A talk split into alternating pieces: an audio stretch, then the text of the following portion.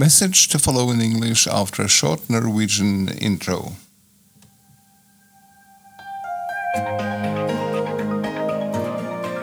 Ja, hei og riktig hjertelig velkommen til en ny episode i podkasten Utafor, men innafor. Eh, denne gang kun på engelsk av hensyn til ukens gjest, programleder for denne sendingen, Edgar Waldmanis. Uh, and repeated in English, very welcome to another episode of the Parkinson podcast Utafor, men innafor. This episode entirely in English as an honor to our guest, Dr. Bastian Bas Bloem from the Netherlands. Throughout uh, late summer and fall, we have uh, had a string of special guests here in our Norwegian podcast. Um, the co authors of the book Ending Parkinson's Disease. We have uh, had uh, Ray Dorsey, Michael Okun, Todd Sherer, and today, the fourth and final one, Dr. Bastian Bas Bloem from the Netherlands. So, very welcome, uh, Bas. Thank you very much for the invitation, Edgar. It's a privilege to be here. Oh, thank you. Thank you. Could I have that in writing? Absolutely. Well, you have it uh, in spoken form, so I suppose that's official as well. That would be that would be um, for those of you who, who are not, um, for those of our listeners who are not familiar with the, the name Bas Bloem, could you do about uh, a short minute about yourself and why you are so interested in uh, Parkinson's disease? Yes, I'll try to be brief. Uh, I'm a professor of neurology, completely specialized in Parkinson's and other movement disorders. I lead one of the largest um, Parkinson centers, uh, I suppose, in the world, with um, uh, eight movement disorders neurologists, um, uh, eight Parkinson nurses and nurse specialists, about 40 PhD students, um, overall, about 196 people working in some way on Parkinson's disease and Parkinsonism uh, uh, in our center. Uh, we're very active in healthcare innovation, in clinical trials, in wearable sensors, personalized care, multidisciplinary care, and my latest work, and this is also the book, of course, that I wrote with Ray Dorsey, Michael Okun, and Todd Sherer, is a focus on the prevention of the rapid worldwide growth of Parkinson's. Yes, how rapid is the growth? In the book, it says you project that from uh, 2016, if I remember right, it will be double by 2040. Does that exactly? Yeah, what we see that there are regional differences. Um, um, the worldwide uh, prevalence um, uh, uh, has doubled in the last 20 years and is projected to double again in the next 20 years. Um, in the Netherlands, uh, the prevalence has risen by 30% in just 10 years' time. So it went from 40 to 60,000, over 60,000 patients in just 10 years' time. It's maybe good to explain to listeners what prevalence means. Prevalence is the number of people presently affected by Parkinson's. And if you compare that to a bath, the water level in the bath is dictated by the amount of water entering your bath and how much water leaves your bath through the sink. Yeah.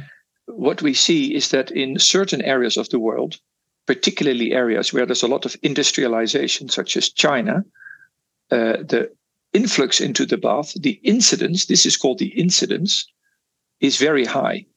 Uh, Parkinson's is exploding in China. In the Netherlands, the influx is more or less stable. Um, and again, the more industrialization, the faster the growth. Uh, even though the incidence is stable in the Netherlands, the prevalence is growing. And this is probably because we grow older. So people live longer uh, and we have our Dutch Parkinson net in the Netherlands, which is, by the way, now present also in Norway, which leads to better care, fewer hip fractures, and also to a reduced mortality. So the water levels in the bath also rise because there's less water leaving the bath through the sink because of enhanced survival. Uh, and just quickly, yes, aging explains part of the rise of Parkinson's. But in an international study, after correction for aging, Parkinson's was still growing. And so it's more than just aging. And more importantly, I don't think that aging itself is the cause of Parkinson's. Growing older means simply that you've had more time to be exposed to toxic chemicals in our environment, such as pesticides, trichloroethylene, and air pollution. So, yes, aging plays a role, but aging, I think, is a marker for toxic exposure, at least to some extent as well. Right. Uh, so you are quite in line here with your co-author Ray Dorsey, who was also strong on the environmental issues. I remember, who said that um, partially what you're saying now, uh, we're we're more exposed to air, air pollution, uh, uh pesticides going into the ground, uh, water pollution, uh, such a simple thing as um, as having your clothes given over to the dry cleaner. Exactly. The, the latter is trichloroethylene, a, uh, yeah. A chemical used in laundries, uh, uh, but uh, but also used to degrease metals. Um, no, absolutely. Ray and I are fully on the same page, and I think Michael Okun and Todd Sherer are also on the same page. We all wrote the book, "The Parkinson Pandemic," um, and uh, I think many, many Parkinson experts in the world agree that there is at least an environmental component to Parkinson's Ray and I are convinced it's a large component. Um, people may know that there is a genetic contribution to Parkinson's. There are eight Parkinson genes. We just published a brand new paper. So, this is for the listeners in Nor- Norway, uh, a novelty, uh, that many of those genes are thousands of years old. Yet, Parkinson's disease was probably a very rare disease prior to 1817 until we started polluting our environment, initially with air pollution in London, of course, with the Industrial Revolution. Since World War II, um, with pesticides, which were needed to feed a fast growing worldwide population, um, and later also chemicals such as trichloroethylene. So I think that all these genes that had been lying around for thousands of years only became relevant after we polluted our environment. And indeed, all those genes in animal models enhance the risk of neurotoxicity when you expose the animal to, for example, a pesticide. So it's gene environment interaction where the genetic predisposition makes you more susceptible to, for example, a pesticide, but the gene itself is probably an insufficient reason for most people to get the disease. Yes, I, I um, seem to, rem- to remember that uh, Michael Okun was uh, on this page as well, where he said that it's not only pollution, but if you are uh, genetically disposed, then certain um, pollutants will wake up that gene and hence deliver Parkinson. Am I right on that? Yes, absolutely. I wouldn't say they wake up the gene, but the gene is like well, well, that's my layperson's. right, right, right. But but you're absolutely, but it's the it's the interaction. Be, yeah, it's the interaction between the two, basically, gene environment interaction. Yeah. Yeah. Uh, you briefly mentioned uh, Parkinson Net, which uh, we're very happy to have in Norway as well. We uh, as you probably know even better than me, we started out a pilot uh, of this in uh, 2018, 19 something, and uh, by now we are actually fully implemented countrywide. Uh, where did you get the idea for Parkinson uh, Net? Yeah, so there were the co-founders. Yeah, well, there were two main reasons for founding Parkinson Net. Um, one is I had done my um, uh, my PhD on gait and balance disorders in people with Parkinson's disease, and as most listeners will probably recognize, uh, gait and balance problems are difficult to treat with uh, the pills that we're using, the oral pharmacotherapy. Um, so we need something better. And I also happen to have a background as a semi-professional volleyball player. And as a volleyball player, I had developed a deep belief, a faith in the merits of physiotherapists. So knowing that falling and posture instability were were difficult to treat with drugs. And knowing that physiotherapists can do a lot in these areas, uh, I was really in need of good therapists who could help my patients. But the problem was, as a physician, there wasn't such a thing as the yellow pages. I, I assume you have the yellow pages also in Norway. Yeah, we the do. Telephone, yeah. So I did not have a list of people who were passionate about Parkinson's, were knowledgeable, and were keen to treat these people. Um, they were there, here and there, but they're not in the yellow pages. So I wanted a network that I could pick from so that I could refer my patients with confidence to somebody who understood Parkinson's disease. That was one, just driven by my needs as a doctor. The other one was driven by my needs as a scientist, because although I had a passionate belief in ParkinsonNet, there was at the time very little evidence to support the merits of a physiotherapist. Um, so we needed better trials. But if we were to launch a trial of physiotherapy, at the least, you want the treatment to be delivered by super trooper experts and not by, at the time, the run of the mill therapist who was treating just one or two patients, did not follow guidelines, uh, and did not follow, you know, a multidisciplinary approach. So we built ParkinsonNet as a network of dedicated, well-trained professionals who had received education according to the latest evidence-based guidelines and who subsequently treated a high caseload, many patients, both to better serve care today, the Dr. Bloem was helped, and as an infrastructure for trials, which helped Professor Bloem to perform the trials that were necessary to provide the, the evidence for physiotherapy. And I'm happy to say that both were successful. You know, like Norway, the Netherlands has a nationwide network. Patients benefit every day. But we've used the same network to publish trials about physiotherapy, occupational therapy, Parkinson nurses, speech language therapy, which is ultimately necessary to convince governments and healthcare providers and insurers that ParkinsonNet is a good idea and that they should fund it. Good. Um, interesting to hear that uh, that background. Um, so far, Norway is the only other country outside the Netherlands implementing ParkinsonNet. Uh, how come that not uh, any other country has uh, come on board? Well, that's not entirely true. Oh, um, sorry. Uh, no, the, uh, the, that's quite all right. Uh, Luxembourg also has a full nationwide ParkinsonNet. Um, we've trained a network in California uh, in, together with Kaiser Permanente, a healthcare giant in the United States. we've just completed a training in Malta we're doing preparatory work at the moment in Australia. So there is and there is very concrete and specific interest from Italy right now. So yes, Norway and Luxembourg are the only countries like the Netherlands with full nationwide implementation. And there are smaller networks in other parts of the world.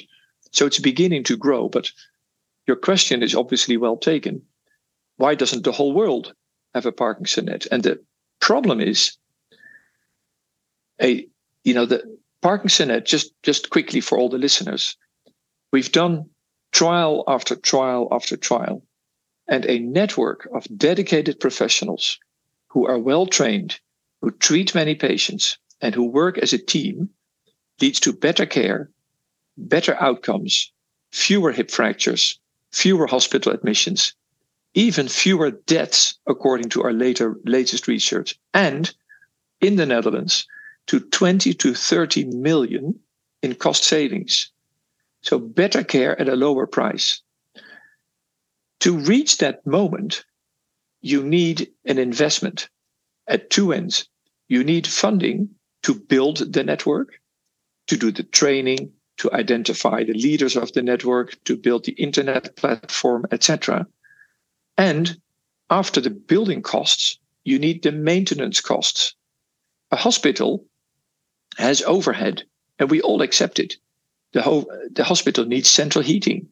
The hospital needs to be cleaned.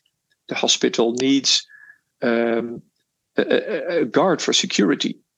And a network also has overhead. We need to maintain the internet technology. We need to update the guidelines. We need to do professional trainings. We need to do our annual teaching courses. And who wants to pay for the chronic maintenance costs? Now, the interesting thing is the costs of Parkinsonnet in the Netherlands is about 1 million each year, plus or minus. The cost savings each year, euros, euros, yeah. yeah.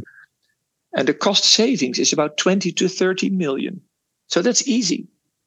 So when I talked to the Minister of Health in Norway, who was wonderful, I think he's now been replaced. He said, Where can I sign? Where can I sign? That's an easy equation. But the problem is, but he was a visionary man, but you need initial cost to build and people find that difficult. Where do you find that initial building cost? And who wants to take responsibility for the chronic maintenance costs, knowing that there are cost savings? Right? And Norway has a good situation, like Luxembourg, because you have a nationwide insurance system. So the one who invests is the one who also reaps the benefits. But in, for example, the United States, with multiple payers and multiple providers, it is unclear that somebody who invests will also reap the benefits. So you had a visionary prime uh, minister of health. You have a good healthcare system, and that's why it worked in Norway. But in other countries, it appears to be more difficult. Right. But then, fingers crossed, as you say, the the equation should be the Uh, what's the saying? You do the the math. Yes, exactly. Yeah and uh, we can hope for more countries to come on board because um, I'm always uh, keen on developing my personal network, and I was thinking, you know, how much better it would be even if Sweden and Denmark came on board, and then possibly Germany, and we could have a, um, a cross-European network, not only a, nation, a nationwide network in Norway, another one in the Netherlands, but we could sort of reach uh, cross-border. Exactly. Well, we've called our book The Parkinson Pandemic. This is a worldwide disease, sparing no one. It happens in every country. It affects men and women. It affects not just old people. One third of patients in the Netherlands is under the age of 65, which is when you want to be active at work, when you want to travel. And, and, and many people over the age of 65 are in the middle of their life and, and want to lead an active life with fulfillments. So, Parkinson's disease, in contrast to what some people might think, is a disease of very active people who are affected by this dreadful condition right in the middle of while you're making other plans. And we can only tackle that pandemic, that worldwide issue, by collaborating. I completely agree, Edgar. Good. Um, if you were diagnosed with the Parkinson's disease yourself, uh, you're certainly a very active person. How would it uh, change your way of living?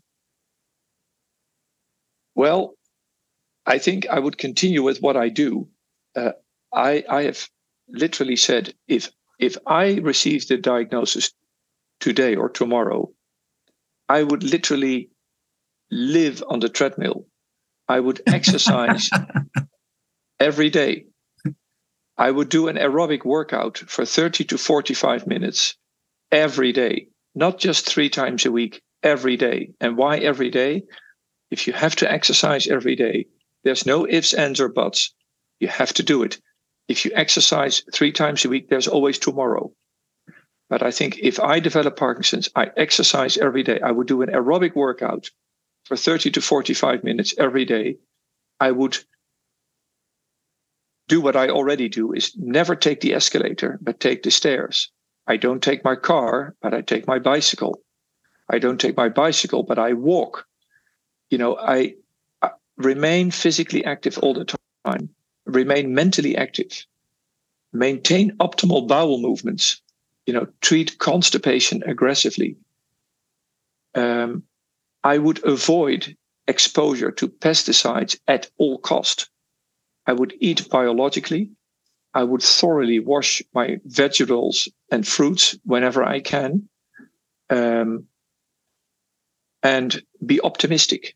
Um, I would inform myself so that I'm well educated, because I strongly feel that somebody who is well educated can engage better in self management.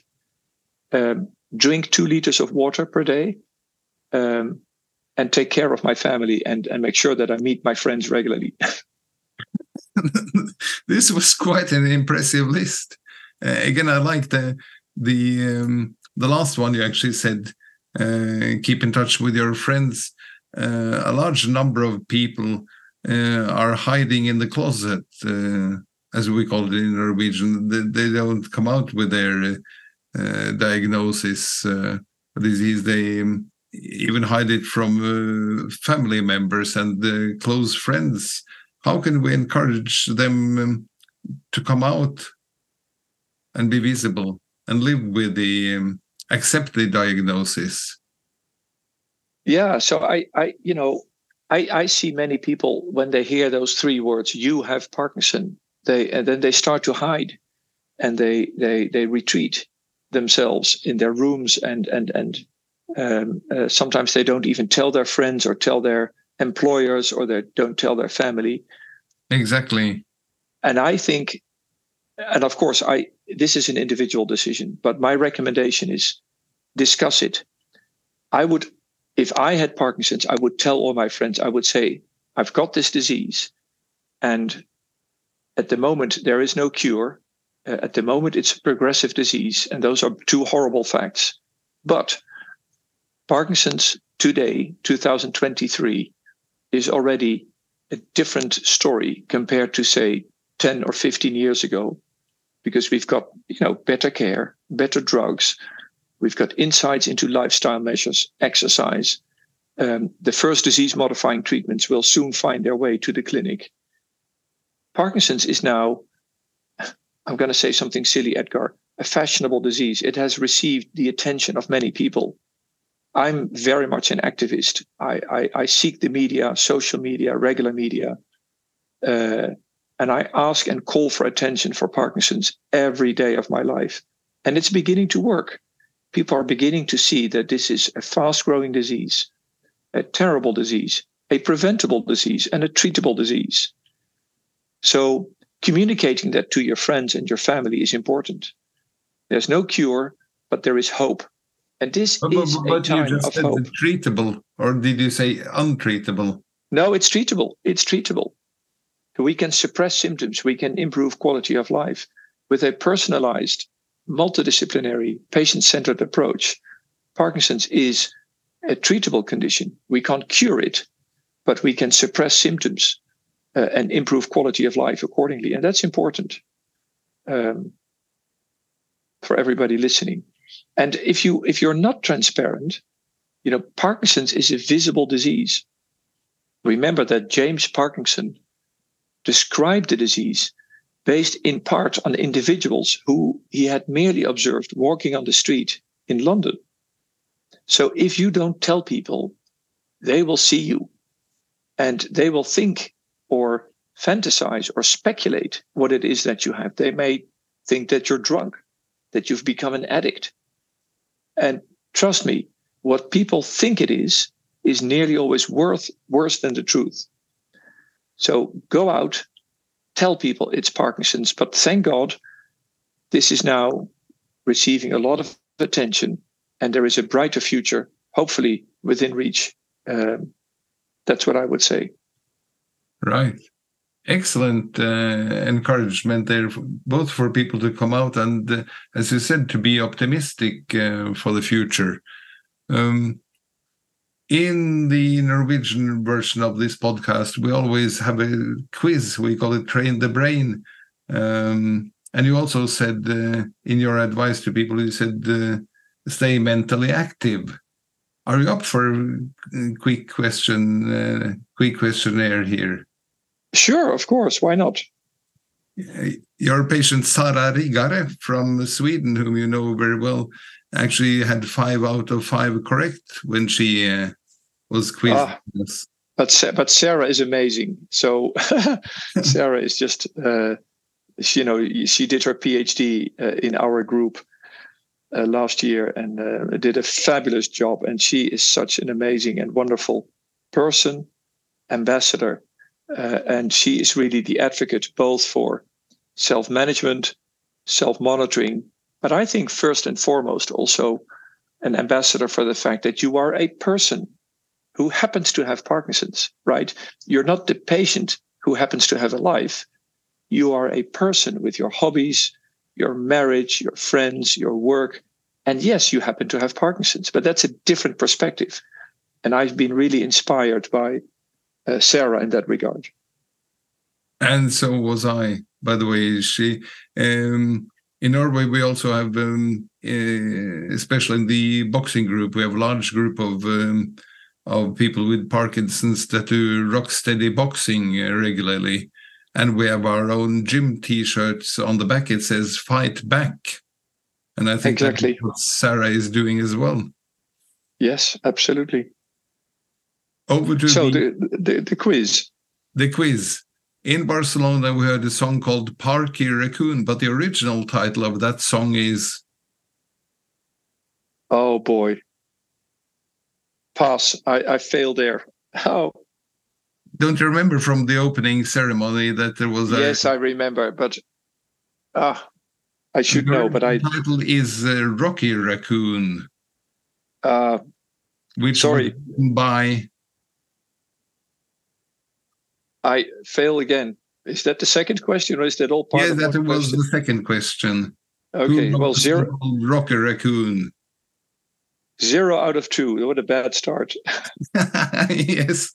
Lennon McCartney wrote ah. it.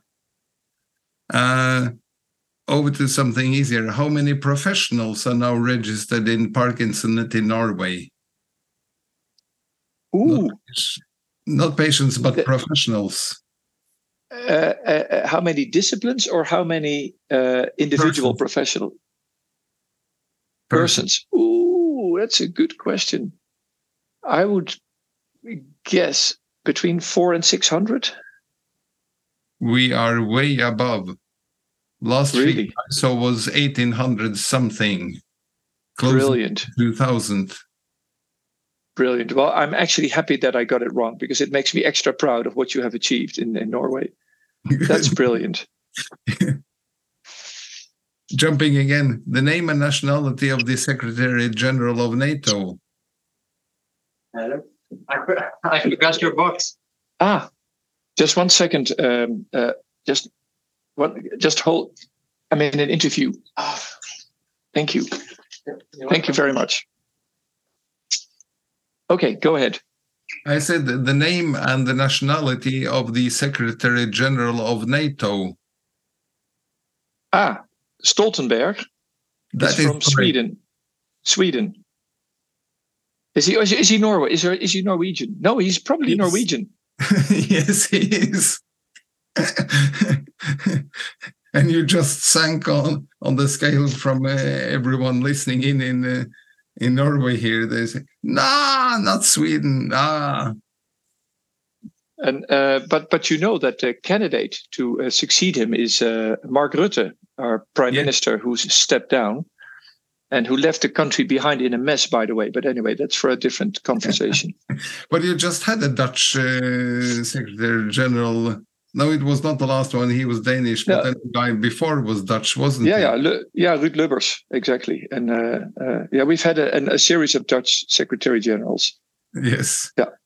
Uh, Stoltenberg has um, had his term renewed a couple of times, as it well may know. When did I know, he, I know. Yeah, go ahead. When did he start? Which year? Oh, probably these are four year terms. And I think he did two terms and then one extension. So I guess nine years ago. Which is correct. 2014, he started out. Ah, that's a that's a brilliant point. So that was uh, uh, two and a half out of five. Not quite Sara Riggare's standard, but uh, no, but but enough. but she, her standards are just unachievable. good, good. Well, as we always say in the Norwegian quiz as well, we say that um, the, the main point is starting your brain, starting to think, mm, what could it be? What nationality could it be? Uh, let me see, he would not be Danish because the guy before was Danish. So that's one is out. Uh, let me, and then if you start out, your brain starts working and you engage yourself and uh, you fight back in that respect as well. Yes, exactly. Are there any? Oh, we, we forgot to, to ask here. We usually ask for a fun fact, something that not so many people know about uh, Dr. Bas Bloem. Um, well, I suppose one fun fact is that in my spare time, uh, uh, I'm a DJ, a DJ Boom Boom Bloom. oh. Uh, and uh, um, um, and I really enjoy doing that. I think that's really fun. Uh, so that's not something that not many people know. I'm not good at it, uh, but I do it with a great deal of passion. Um, and the other thing that people may not know is that I chose for a career in medicine and chose for a career in neurology because my mother had multiple sclerosis. And I always wanted to cure my mother. And just right. by sheer coincidence, uh, I ended up uh, doing a research study in Parkinson's disease. And then after I met people with Parkinson's, I was so struck by the complexity of the disease and uh, by the many treatment options, uh, and in particular by the wonderful, wonderful character of people with Parkinson's who are invariably very, very, very nice people. And I mean that from the bottom of my heart is that I completely forgot all about um, uh, MS, and now I'm a, a Parkinson expert. And we're glad to have you on board in our camp, definitely. Are there any questions or topics that we haven't covered and that you would like to speak out about? I know that no, you're th- quite schedule right now, uh, but is there anything left? No, I think we've covered the main areas. I think it's important that people exercise, they drink water, stay optimistic, keep the faith, keep the hope, uh, work closely together with the professionals. Um, uh, and uh, I, I, hope that within five or 10 years, we'll begin to see major breakthroughs in the Parkinson field. And so do we. The absolutely final, final uh, exit question is who would you invite to dinner and where? You're totally free in time and space here. Ooh. Now that is a very interesting question. Um, you cannot say Dr. Parkinson. No, no, no. It has to be somebody who's alive now, I suppose. No, I said totally free in time and space. So if you like ah. Moses coming down from the mountain with his uh, stone tablets, that's fine. Oh. Or something wow. between Moses and uh, current time. yeah. Um, boy, that's a very difficult question. Um, um, well, the couple of names come to mind. Leonardo da Vinci, because he was a Homo universalis, and to just speak to such a genius uh, would be interesting. But the one that I might pick is Columbus, and the reason I would like to speak to Columbus is that people have to realize that what he did was insane. If you've never traveled to the southwestern part of Portugal, you have to do it. It's barren country. There's no tree grows. And you reach literally the end of the world. It's called the end of the world. And the, all you see is the ocean and, and, and, and the horizon and water and water. And mind you, people in those days thought the earth was flat. And that if you sailed till the end of the earth, you would fall off the end of the earth. And what Columbus did is he just sailed to the end of the world. And I feel that I'm also trying to sail to the end of the world. You know, try to fight Parkinson's, try to find a solution. And it's somewhere behind that horizon. And I might fall off the cliff, I might fall off the end of the earth. But I hope that actually by being brave, just like Columbus, by ignoring the signals of others, you know, to find a new world behind that horizon that's a better world. So that's excellent. And where would you treat these uh, two geniuses to to dinner? Ooh. Um, I think in a very small restaurant somewhere in Italy where they have only two or three tables. It it should not be a Michelin star, but there should be a local family run Italian restaurant with just two or three tables where grandfather, the father, and the children are all running the family business and where they serve four, five, six, seven courses of brilliant Italian local food with good wines. Uh, and it's more about local food than an Italian, of course, and the atmosphere and the intimacy rather than a fancy, posh, or expensive restaurant. That's where I would invite them. That sounds like a fantastic dinner. Uh, I think I would like to be what in in a region we have a saying called "fly on the wall." Yes. No one would notice me, but I would be there, and um, I would even drop in on your conversations with these uh, two gentlemen. I think that's the end of that, or rather, I don't think it is the end of that. Many, many thanks for being with us uh, today, Bas, and uh, looking forward to speaking you again soon. You're more than welcome. And thank you again for the invitation and for the wonderful set of questions. I really enjoyed this.